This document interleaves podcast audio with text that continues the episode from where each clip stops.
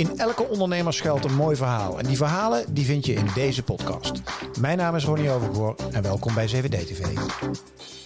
Heel veel juridische zaken zijn niet verplicht. Dat hangt er inderdaad vanaf hoeveel risico je wil nemen. Bijvoorbeeld door Midjourney hebben laten maken. Rust daar een auteursrecht op en van wie dan? Ze wordt ook wel de social media jurist van Nederland genoemd of de lawyer for nerds.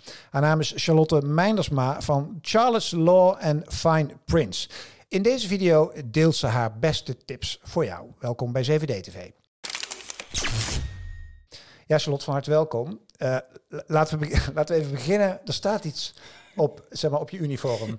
Uh, oplos, ik vind het heerlijk om te doen. Oplos koffie met een kutjurist.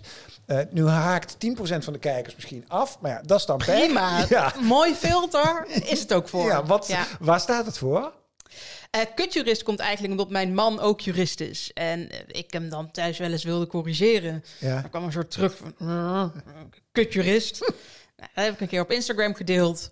En uh, dat vonden mensen leuk, bleef hangen. Dus dat ben ik ook blijven gebruiken. Dus de hashtag zit er altijd in? Die zit er altijd oh, in. Ja? Dus als we op Insta hashtag kutjurist, dan komen we al jouw posts uh, ja, tegen. Ja, er zullen er een aantal zijn waarbij ik dat vergeten ben. Maar tegenwoordig doe ik dat consequent. Uh, en ik gebruik het dus ook wel als filter. Mensen die dit niet tof vinden, zijn, zijn mijn klanten niet. Nee? Nee, dat, ja, als je die humor niet hebt... Kijk, mm. ik probeer juist alles zo toegankelijk mogelijk te maken als jurist. En, ja. en, en normaler Nederlands te schrijven, minder jargon te gebruiken, ja. humor te kunnen gebruiken, dat soort dingen. Ja, dan hoort dit een beetje bij.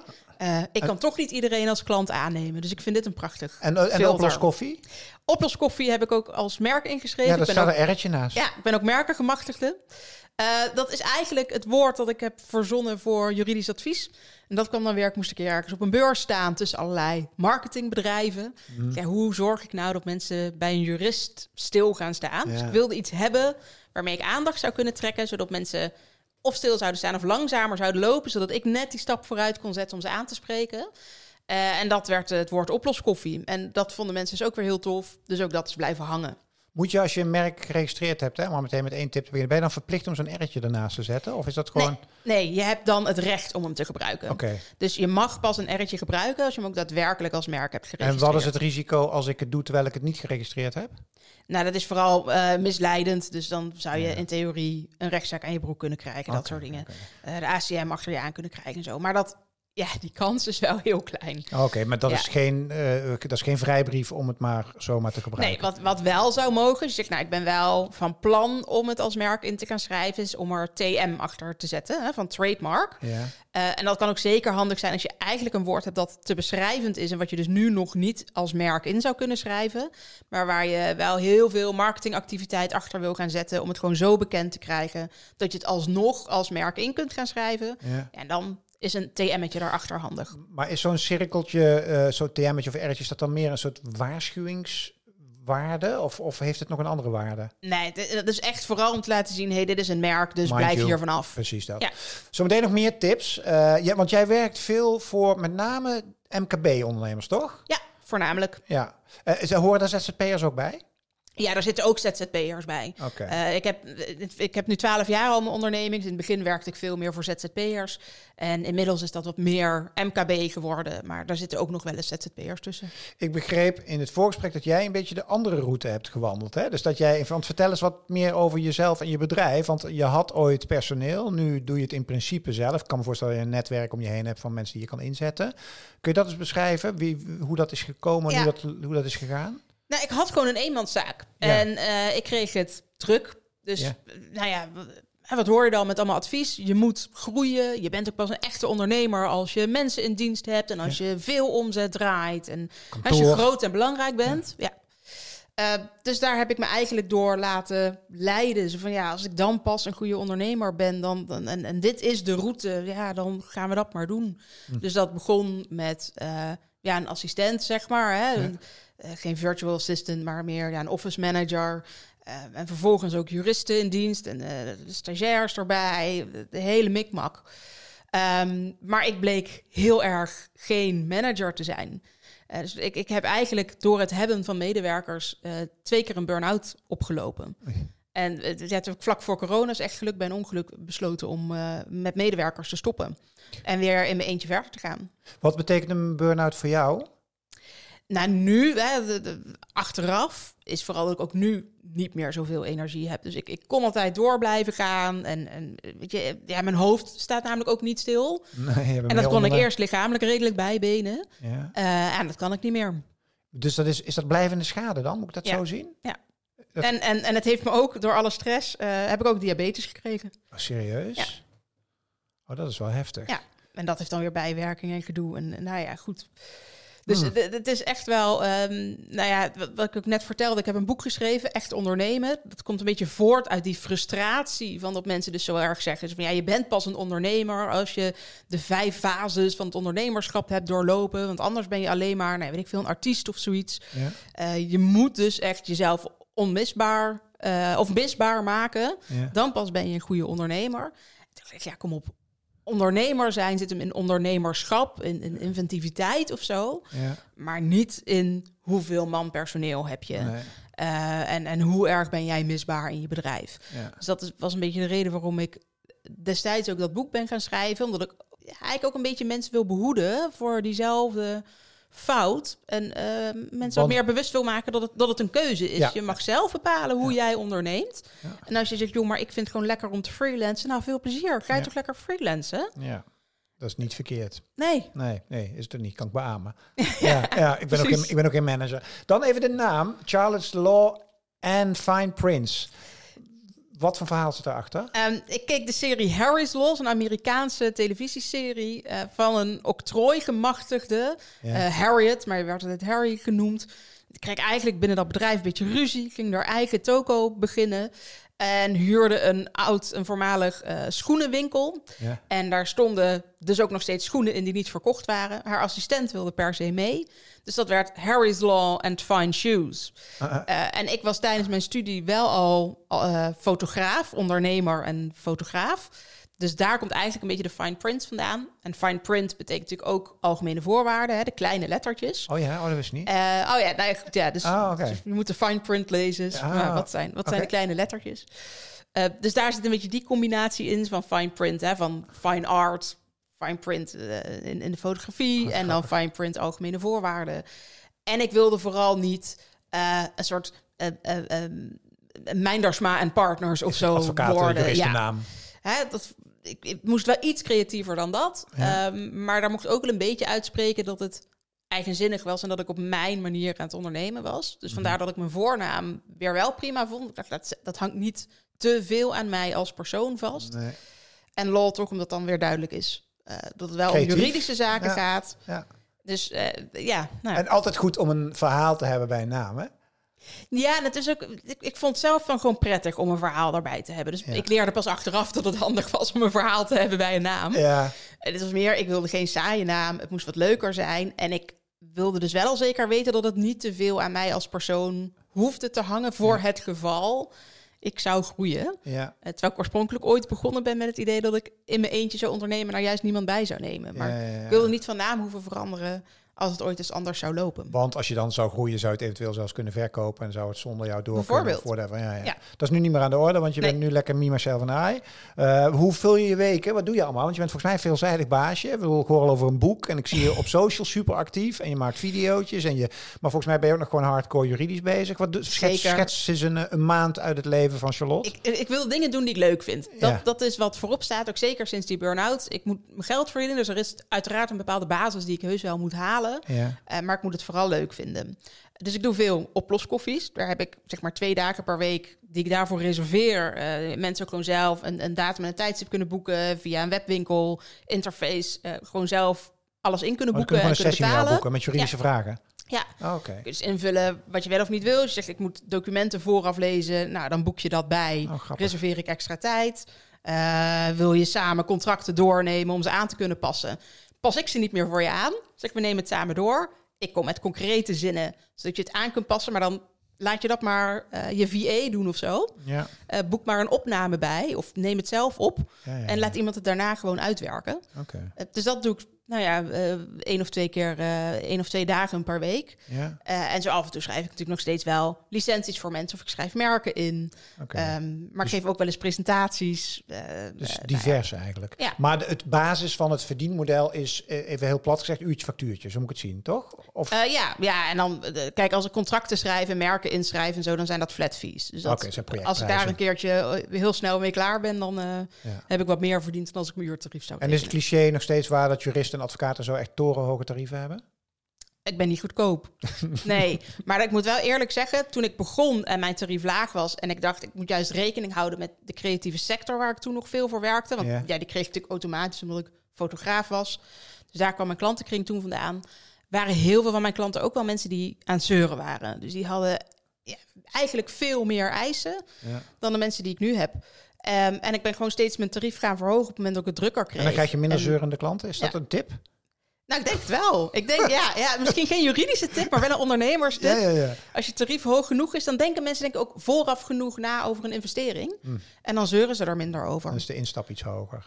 Ja, dus, dus uh, ja, nee, ik ben niet goedkoop, maar het kan ook uh, nog twee, drie keer zo duur worden als het ik ben. Dus, uh, in die zin. En ik ben wel, ik heb wel een specialistisch vakgebied. Hè. Ik heb echt wel een richting waarin ik werk. Dat is? Um, intellectueel eigendomsrecht. Ik noem mezelf eigenlijk marketingjurist, omdat daar alles in samenkomt. Dus dat is auteursrecht, merken, portretrecht, privacy, reclamerecht. Ah, okay. um, ja, dat zit daar eigenlijk allemaal. Uh, nou, laat, laten we eens een paar. Uh, ik, heb, ik heb er een paar voorbereid, maar er schieten er nog wel een paar extra in mijn hoofd uh, nu. Maar laten we eens beginnen met. En dat is misschien niet alleen, dat is niet alleen um, portret en merken gerelateerd, maar gewoon de startende ondernemer. Want wat je, wat je nog best wel veel hoort, want ik, ik, ik praat natuurlijk veel met ondernemers en er zijn steeds meer jonge gasten ook die willen starten met ondernemen. En er zijn er ook best wel veel die denken: wow, maar wat komt er allemaal bij kijken? Weet je wel, dat is juridisch enorm complex. Want dan moet ik blijkbaar, als ik naar de KVK ga, moet ik uh, dingen doen. Uh, is het zo complex? Ik denk dat het minder complex hoeft te zijn dan je denkt dat het is. Hmm. Heel veel juridische zaken zijn niet verplicht. Tenzij je in een bepaalde branche werkt waar misschien wat verplichtingen zijn, maar algemeen uh, zijn er eigenlijk niet heel veel verplichtingen. Privacy is natuurlijk hè, persoonsgegevens dat is wel een verplichting. Dus je moet vertellen wat je met persoonsgegevens doet. Of dat nou je klanten zijn of persoonsgegevens die je van een ander hebt. Waar moet je dat vertellen? Um, ja, je moet daarover informeren. Dat is eigenlijk de enige verplichting die er is. Er zitten wel elf elementen in die daarin terug moeten komen. Dus dat doen we meestal met een privacyverklaring of een privacy policy. Okay. Maar er zijn online best wat websites, uh, die van mij, maar ook van andere juristen die daar gewoon een generator voor hebben gebouwd. Er zijn wat vragen, die moet je beantwoorden. En dan rolt daar zo het documentje uit dat je op je website kunt plaatsen. En die is gewoon GDPR of hoe heet het in Nederlands? Ja, AVG, AVG, Algemene Verordening Gegevensbescherming. Dat dat, dat, dat voor, en die moet je op je website zetten? Nou ja, daar ontvang je de gegevens. Dus daar is het logisch uh, dat je hem sowieso plaatst. Want je moet dat eigenlijk geven op het moment dat je uh, de gegevens ontvangt. Of anders zo snel mogelijk daarna. Dus wat ik zelf ook doe, ja. is een linkje daarnaar in mijn e-mailhandtekening. Dus stel dat mensen niet via mijn website bij mij terechtkomen, maar me e-mailen. Dan ja, stuur ik natuurlijk een reply met weet ik veel wat verantwoord. Hebben ze automatisch. Ja, geldt dit? Jij zit veel in zakelijke dienstverlening, kan me zo voorstellen. Hè? Maar ja, ik doe eigenlijk alles B2B, zeg maar. Ja, ja maar, maar, stel, ik ben uh, uh, schilder. Mm -hmm. En ik kom bij mensen thuis en uh, ik zei, yo, goedemorgen, mobieltje in mijn broekzak. En uh, ik doe even offertjes op de WhatsApp. En daarna gaan we lekker aan de slag. Moet ik dan ook zo'n document hebben? Eigenlijk wel. En wat als ik dat niet doe? In theorie ja? uh, kan dan de uh, autoriteit persoonsgegevens bij je aankloppen. Dat jullie eerst wel een waarschuwing geven en dan moet je hem alsnog binnen een bepaald termijn hebben. Je bent het verplicht. Uh, je bent het absoluut verplicht. Jij kan gewoon een boete voor ge gegeven oh, worden. Zijn dat grote boetes? Voor, nou voor ja, een een kleine Er wordt heus wel rekening gehouden met de omzet die je maakt. Oh, dat is gerelateerd dus, aan omzet? Ehm, nou, niet per definitie. Dat is eigenlijk het maximum is gerelateerd aan omzet. En dan gaat het uiteindelijk over 2% per jaar. Uh, van je jaaromzet. Um, maar de boetes zouden in theorie best hoger kunnen zijn. Alleen, ja, ze, ze, houden altijd wel rekening met het formaat van het bedrijf en hoe ernstig de inbreuk is. Dus alleen maar niet geïnformeerd hebben is niet zo'n hele grote inbreuk. Dus dan wordt eigenlijk ja, die boete ook meteen verlaagd. Maar heeft die valt dan wel mee. Heeft die club tijd om alle schilders van nee. Nederland Absoluut niet. Maar er is geen enkel handhavend orgaan in Nederland heeft genoeg mensen of genoeg geld om de regels die we hebben te handhaven. Dus ook, journalisten vragen mij wel eens: ja, moeten we ergens een regel voor maken? Denk, nee, we kunnen wel ergens een regel voor maken. Maar als we het niet kunnen handhaven, heb je niks aan het regeltje. Dus laten we nou eerst maar eens kijken met de regels die we hebben. Ja, ook als het gaat om reclamerecht bijvoorbeeld. Dat doen we nu eigenlijk met zelfregulering via de reclamecodecommissie. Maar de autoriteit Consumentenmarkt, de ACM, mag daar ook op handhaven, mag daar boetes op uitdelen. Maar die hebben daar gewoon de capaciteit niet voor. Dus je kunt daardoor heel veel je gang gaan. Uh, simpelweg omdat er de capaciteit niet is om het te handhaven. Hmm. In het verlengde zometeen nog meer over die, uh, die, die uitvoerende clubs en zo. En als het gaat om juridische zaken. Want ik wil zo meteen ook praten met jou over technologische ontwikkelingen en de effecten mhm. daarvan. En ben ik heel benieuwd hoe jij dan die, uh, laat ik zeggen, tot aan, tot aan de juristen en advocaten en rechters toe, hoe zij daarmee omgaan. Uh, maar tweede, daar hadden we het voorgesprek even over. Dat vond ik een absoluut interessante tip. Dat gaat over algemene voorwaarden. in relatie tot een offerte. Leg die eens uit. Nou, wat je moet weten is dat algemene voorwaarden algemene regels zijn die je in principe niet verandert. Die stel je één keer op, herzie je misschien eens in de zoveel tijd, maar daar ga je niet in lopen klussen. Wil je dus aparte afspraken maken die daarvan afwijken, dan zet je dat in je offerte. Alle specifiekere afspraken die ah, je maakt zijn altijd belangrijker dan de algemene voorwaarden. Maar sorry dus, dat ik onderbreek. Algemene voorwaarden moet je die ook hebben? Nee, ben je absoluut niet verplicht. Oké. Nee, dus Kijk, in principe hoef, ben je ook niet verplicht om een offerte te maken. Nee. Alleen een mondelinge afspraak is wel lastig als het misgaat. Want ja, wat is er dan precies afgesproken? En is een overeenkomst ook een mailtje dat ik, dat jij, eh, dat ik naar jou stuur? Ik wil dat jij voor mij drie foto's maakt voor 100 euro. En dan zeg jij, dat is goed, dat doe ik. Is dat een overeenkomst? Dat is een overeenkomst. Dus een handtekening is ook niet vereist. Oké. Okay. Een handtekening is nuttig om te kunnen bewijzen wie akkoord is gegaan. Ja, ja. Dus ik heb mijn algemene voorwaarden of niet. Maar wat ik in een offerte beschrijf is specifieker en prevaleert. Exact. En hoe ga ik om met, ik ben klein MKB'er, maar ik doe zaken met hele grote partijen. En die slaan mij altijd om de oren met hun uh, voorwaarden. Ja, die hebben dan inkoopvoorwaarden of iets dergelijks. De Rijksoverheid heeft dat ook. En daar staan ook zeker wat dingen in die best wel ongunstig kunnen zijn. Lange betaaltermijnen om bijvoorbeeld. Ja, nou, dat is, dat is dus een typisch dingetje, is wettelijk aan banden gelegd. Oh ja? 30 dagen en daarna is het klaar voor het MKB. Maar ja, gaat maar handhaven. Want dan moet je dus naar de rechter, die daar langer dan 30 dagen over gaat doen. Ja, ja om een uitspraak te krijgen. En dan moet jij gaan boksen als David. Ja, dus dat, David ja, dus dat is een leuke regel. Maar zolang we dus daar niet oh, ja. uh, een goed orgaan voor hebben waar je kunt klagen en die het voor je op gaat lossen. Ehm, ja, dus Zorgen dat je liquide genoeg bent dat je, dat je de betaaltermijn kan handelen. Precies. Ja. Um, dus daar zou ik mij eigenlijk niet zo druk over maken. Uh, maar je kunt wel standaard in die offerte zeggen: goed, betalingstermijn is 14 dagen want ze zeggen, zullen altijd zeggen, ja, jouw algemene voorwaarden zijn niet van toepassing, het zijn onze inkoopvoorwaarden. Maar met wie doe je zaken? Met een inkoper, met iemand van een bepaalde afdeling, maar waarschijnlijk niet met de juristen van dat bedrijf. Dus het zijn mensen die ook maar gewoon geleerd hebben, hé, hey, je moet zeggen, onze inkoopvoorwaarden zijn van toepassing. En als daar gedoe over komt, dan moet je gewoon altijd zeggen, ja, nee, kan me niet schelen. Je mag alleen maar voor ons werken als die inkoopvoorwaarden van toepassing zijn. Maar daar staan dingen in die je niet tof vindt. Nou, omdat dus die offerte, die specialere afspraken belangrijker zijn, ook dan die inkoopvoorwaarden, zet je dus dat wat je zo essentieel vindt, zeg je, ja, dat wil ik toch op die manier geregeld hebben, um, die zet je gewoon in je offerte. En als dan jouw contactpersoon bij de opdrachtgever zegt, je offerte is oké, dan overroel je hun inkoopvoorwaarden.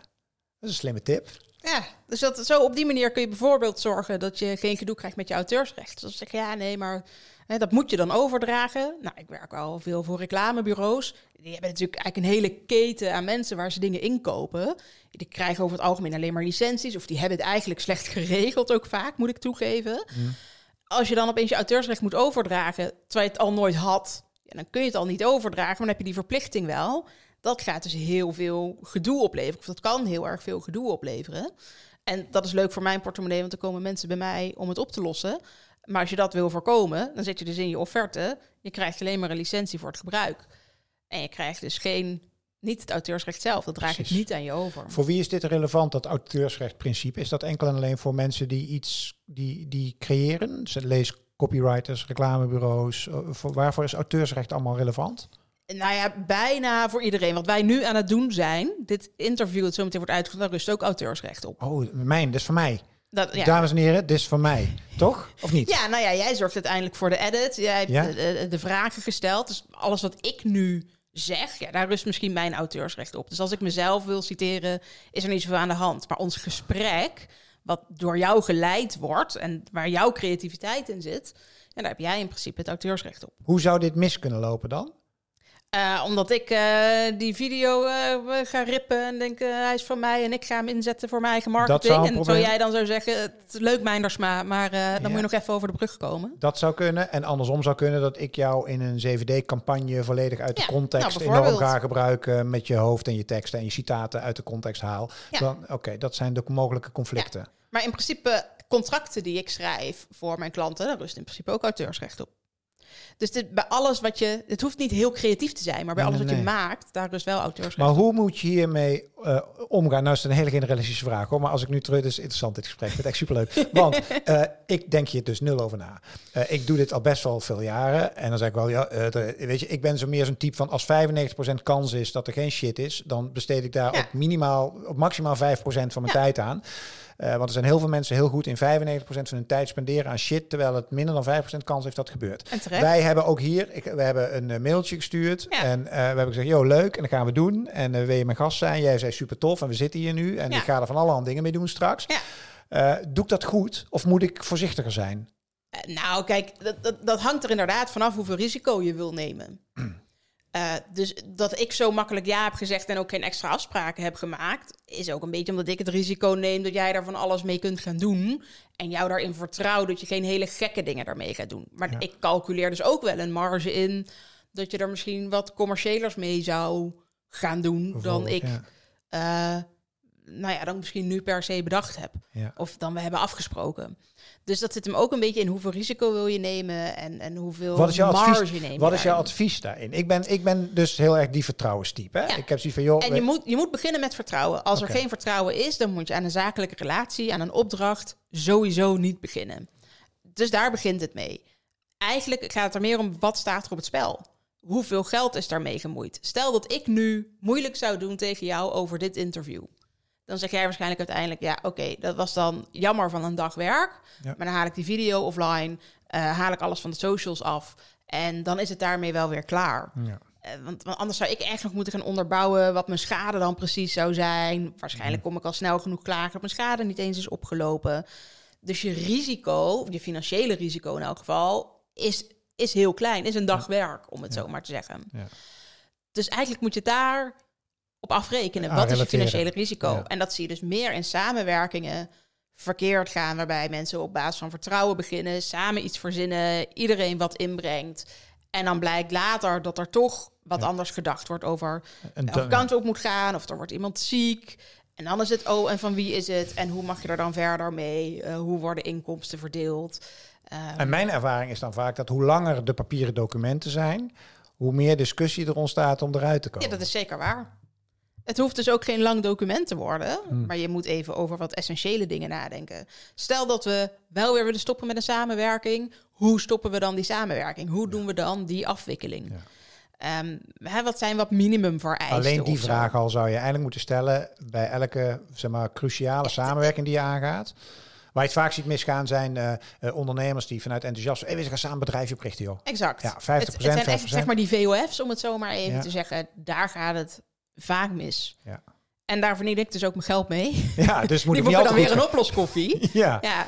Terwijl als je er nou vooraf over nagedacht zou hebben en daar even tijd en geld in geïnvesteerd zou hebben om de belangrijkste zaken in elk op papier te zetten, um, dan is de kans veel groter dat het, dat het goed gaat en dat je ook weer goed uit elkaar kunt. Want natuurlijk, je, je begint als vrienden, dus dan zeg je ook als het fout gaat, dan gaan we ook alweer als vrienden uit elkaar. Daar komen we wel uit. Dat zeg je op dat, moment. Ja, maar niet. Ja, dus je moet eigenlijk. Je, je, hebt dan dus ruzie. Er is dus iets misgegaan. Maar dat moet je eigenlijk gaan bespreken op het moment dat je nog dikke vrienden bent. Dat is eigenlijk wat. Absoluut. ja, toch? Ja. ja.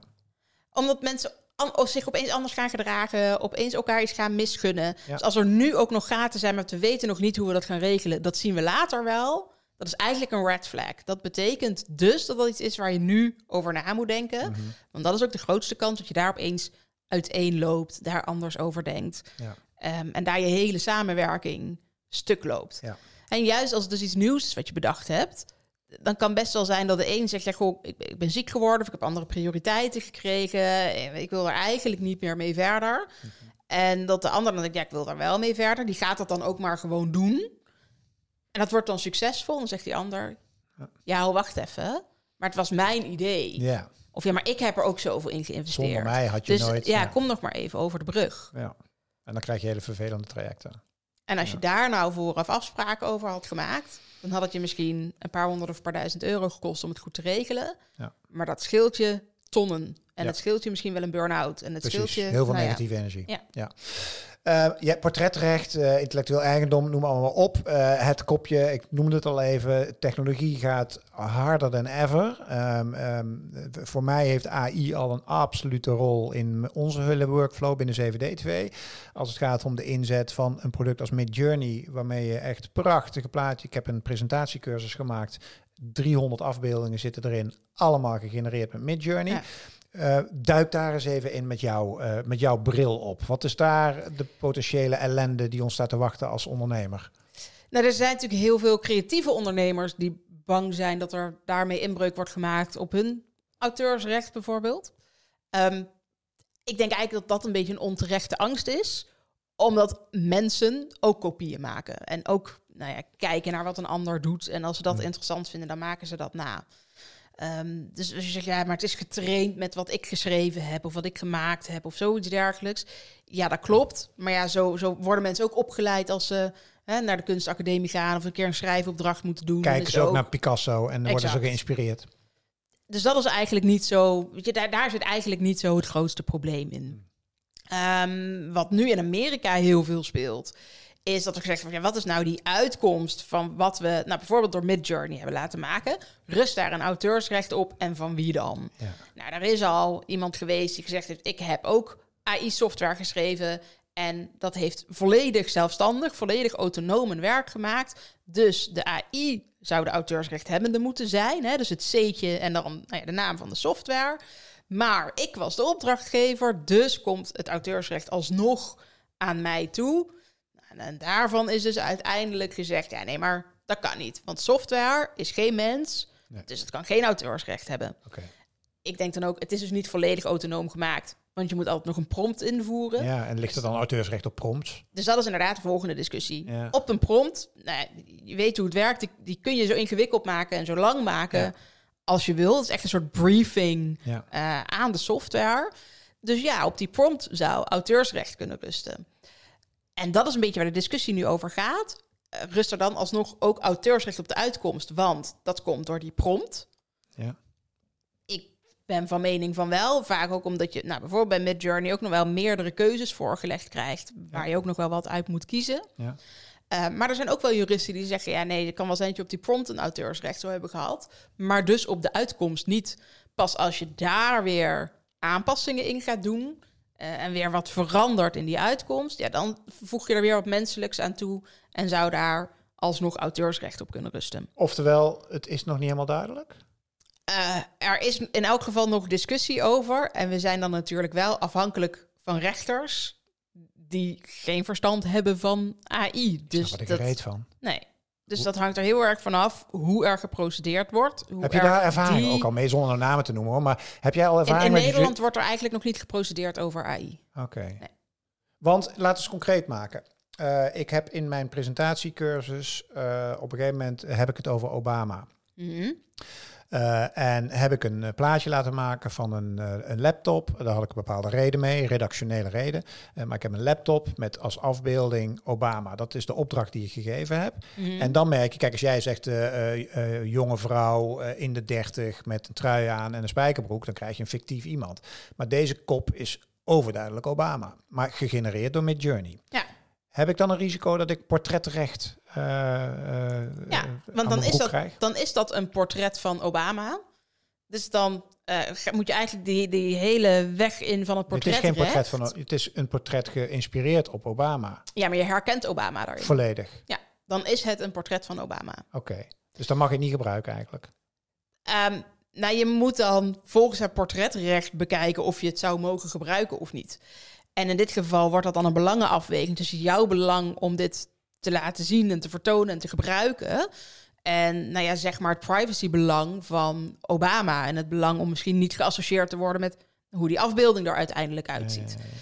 Dus juist als jij het gebruikt in een presentatie. Nou ja, het heeft een inhoudelijke zo, zo reden. kun je het, zo kun je het. Uh, nou ja, maar stel dat je zou zeggen, zo kun je het door Midjourney dus laten maken. Dit is wat AI kan. Ja. Nou, dan mag je het prima gebruiken. Maar wil je daar eh, iets mee schrijven met... Uh, kijk wat Obama nu allemaal verkeerd gedaan heeft. Want, en zie maar, dit is daar het bewijs voor. Zoals ze van die foto's hebben gezien van Trump... zoals hij gearresteerd zou worden. Nou, dat is ook allemaal gegenereerd. Um, dat mag dan dus weer niet. Nee. Maar dat is omdat dat het privéleven, de eer en goede naam van Obama dan zou zijn. Hoe gaan we dit juridisch oplossen, Charlotte? Want dit, dit, we've only just started. Ja. we gaan dit in video... We, er is over, weet ik veel, een jaar of wat... zien wij niet meer het verschil uh, tussen wat echt is... wat wij vroeger echt noemden... Uh, want dat wordt de filosofische discussie volgens mij, die nog super interessant gaat worden, is van wat is realiteit nog straks? Ja. En dan, dan hebben we een juridisch systeem dat ongeveer net zoals de politiek werkt. Oftewel, dat loopt echt jaren achter de feiten aan. Wat wordt de situatie hier? Ja, nou ja, uh, er komt wel een AI-act aan vanuit Europa, maar dat gaat voornamelijk over privacy en uh, hoe, wat zij mogen doen met gegevens die ze ontvangen. Um, maar we hebben natuurlijk ook sowieso al hè, fake news en desinformatie. Ja. ja. daar moet je dit een beetje mee gelijkstellen. Dus op zich kun je best wel de oude juridische regels gebruiken en erop toepassen. Dus een uitkomst van een, van een tekst of een afbeelding of whatever, ja, maakt dat inbreuk op wat er eerder al gemaakt is. Hmm. Kun je gewoon nog steeds op dezelfde manier vergelijken. Mm. Uh, maak dus zo'n afbeelding of, of een tekst die je over iemand schrijft maakt dat inbreuk op iemands eer en goede naam. Hmm. Eh, je maakt diezelfde belangenafweging. En dan maakt het eigenlijk niet uit waardoor het is gemaakt en hoe het is ontstaan. precies. Het is puur de vraag, maakt het ook een inbreuk? Of het nou een olieverf schilderij is of het is een Midjourney plaatje, dat maakt niet uit. Nee, precies. Dus je krijgt pas problemen op het moment dat er zoveel door AI is gegenereerd, waarvan je dus eerst zou moeten bepalen, rust daar dan überhaupt wel auteursrecht op als daar AI aan te pas is gekomen? Mhm. Want als er geen auteursrecht op rust, of als er überhaupt geen portretrecht of wat voor recht ook op zou rusten, ja, dan kan er ook geen inbreuk op gemaakt worden. Nee. Ehm, dus dat is wat mij betreft eigenlijk ook wel een reden om te zeggen, ja, zeg nou maar wel dat er auteursrecht op rust. Want dan kun je tenminste ook makkelijker spreken van een inbreuk. En anders krijg je heel erg, ja, rust er wel of niet. Het, gaat meer om de uitkomst en wat zie je. Ja. Het is wel spannende materie hoor, de dus, komende jaren. Ja, kijk, per saldo hebben we dit ook gehad met de fotografie. Hè? Toen de camera's kwamen, was ook, ja, je hoeft alleen maar op een knopje te drukken. Je hoeft niet te schilderen. Nee. En later heb ik ja goed, het, het, is wel een machine. Die camera is wel een machine. In vergelijking met het schilderen op een doek bedoel je? Ja. ja. Maar je, je moet nog steeds allerlei dingen bepalen. zelfs nu als je in principe je, je camera op de automatische stand hebt staan en je drukt af, nog steeds bepaald waar je staat, eh, wat er op te zien is, hoe je hem afsnijdt. Eh, daarna misschien nog wel met, met het bewerken daarvan. Dus daar maak je nog zoveel keuzes in, dat dat toch wel creatieve keuzes kunnen zijn en je daar een auteursrecht op hebt. Nou, zo zou dat met AI eigenlijk precies hetzelfde kunnen gaan. Dat je dus niet zegt, goh, het is met een camera gemaakt. Dus er rust geen auteursrecht op. Of het is met AI gemaakt. Dus, dus er rust geen auteursrecht op. Maar dat je gewoon kijkt naar wat is er nou precies gebeurd. Ongeacht Zit daar genoeg creativiteit in? Zien we misschien in de uitkomst al dat daar genoeg creativiteit in zit? Ja, prima. Um, laatste onderwerp wat ik nog met je wil behandelen. Want dat is wel relevant, denk ik, voor elke MKB'er die zit te kijken. Of ZZP'er social media. Je bent er zelf super actief. Ehm, kun je daar nog eens uh, induiken? Even wat we vanuit juridisch oogpunt. Wat, daar, wat zijn pitfalls? Wat zie jij om je heen wat wel wat misgaat? Of waarschuwingen of tips? Kun je daar iets mee uh, doen? Ik zie vooral heel veel mensen die denken dat in de algemene voorwaarden van al die uh, social media staat dat je je auteursrecht kwijt bent. Dat je alles geeft aan zo'n sociaal medium uh, en je daar niks meer mee kunt. Dat is niet waar. Ze vragen natuurlijk wel een hele uitgebreide licentie. Want ze willen hè, dat je iets kunt, kunt retweeten. Of wat is het dan nu? Reacten of zo. Ja. Um, uh, überhaupt dat je een afbeelding kunt vertonen op Instagram of op Facebook uh, of op LinkedIn, uh, je, je tekst kunt delen. Dus ze hebben daar ook wel een bepaalde licentie voor nodig. Ja. Dus je bent het niet kwijt. Um, er staat alleen wel vaak in dat het gecombineerd mag worden met advertenties van anderen, et cetera. Dus dat betekent ook dat alles wat anderen op social media hebben gepubliceerd, dat je dat niet jezelf kunt toe-eigenen. Dat je dus ook niet um, een screenshot mag maken en het opnieuw mag delen. Uh, maar dat je daar gewoon, nou ja, ofwel toestemming voor nodig hebt, of dat je daaruit citeert, of het als citaat gebruikt. Um, nou ja, daar hebben we vijf voorwaarden voor en, en, dan zou dat allemaal kunnen. Of dat je er een parodie op maakt bijvoorbeeld. Er zitten wel wat uitzonderingen in de auteurswet, waardoor je het dan toch wel kunt gebruiken. Uh, dus eigenlijk is dat een beetje waar je, ja. waar je op moet letten, het is dus niet, goh, het staat op social media, dus je bent het kwijt, of het is vrij om te gebruiken. En ook hier weer, als we het hebben over uh, intellectueel eigendom, auteursrecht en dat soort aspecten, is eigenlijk dezelfde logica te hand. Eigenlijk maak je het best wel eenvoudig. Dat, dat is wel de bedoeling. Ja, nee, maar eigenlijk maakt het dus niet zoveel uit of ik nou een foto van Obama uh, met Midjourney maak. Of ik post een, een posting op Insta met een kop van Obama. Of eigenlijk is portret, portretrecht en, en auteursrecht en intellectueel eigendom gaat eigenlijk over al die aspecten heen. En is eigenlijk moet je gewoon dus zorgen. Ja, het is techniek neutraal. Ja, precies. Ja. ja. Uh, is China gevaarlijker dan uh, Amerika? Dus de, de, want ik, ik, weet je, ik word dan een beetje kriegelijk dat ze nu enorm panisch lopen te doen over TikTok. Omdat het dan zogenaamd ja. Chinees eigendom is. En ik denk dan maar één ding. Denk, nee, uh, Amerika, dat, is dat minder erg dan of zo? Ja. Nou ja, als je nu naar China kijkt, en dat gaat een beetje over het privacy aspect ervan. Ja. ja. als je een Chinees bent of Chinese familie hebt, of banden met China hebt ja, dan moet je er misschien voor uitkijken. Want dan zie je dat er opeens mensen verdwijnen. Uh, en daar geen, uh, geen contact meer mee is. Uh, dat soort dingen. Daar, dan zou je daarvoor uit moeten kijken. Maar het is niet zo dat je dan als Westerling opeens niet meer op vakantie kunt naar China. Dat je bij het waar je dat zou moeten willen. Ja, nee, maar dat, dat daar zit natuurlijk. Dat, de ogen zijn veel te veel gericht op Westerlingen. Mhm. Maar iemand die dus zeg maar een Westerling is, maar nog heel veel banden heeft met, met China, ja, die moet misschien wel uitkijken. En Amerika, ja, daar wordt er veel actiever gebruik van gemaakt in algemene zin. Dus dan verdwijnen mensen misschien niet zomaar. Maar is de kans wel groter dat je de toegang tot het land wordt ontzegd. Of uh, ja. dat er misschien wat rare dingen gebeuren met, uh, met andere accounts die je hebt. Of, um, we zijn allemaal niet zo bang hè, voor Amerika. Want uh, het is te goedkoop wat we daar kunnen inkopen. Ja. En dat vinden we eigenlijk veel belangrijker. Net zoals überhaupt TikTok vinden we te leuk om te gebruiken. Dus let er eigenlijk niet op hoe, hoe eng het misschien wel is. Maar jij geeft ehm. vanuit juridische, met je juridische pet geef jij niet het advies van ondernemers uh, van Nederland gebruik vooral geen social media. Nee, dat is een risico dat je zelf moet nemen. Um, en dat bepaal je dus in principe ook voor jezelf. Mm Je kunt ook met medewerkers daar afspraken over maken op, op welke manier zij dat wel en niet mogen gebruiken. Mm -hmm.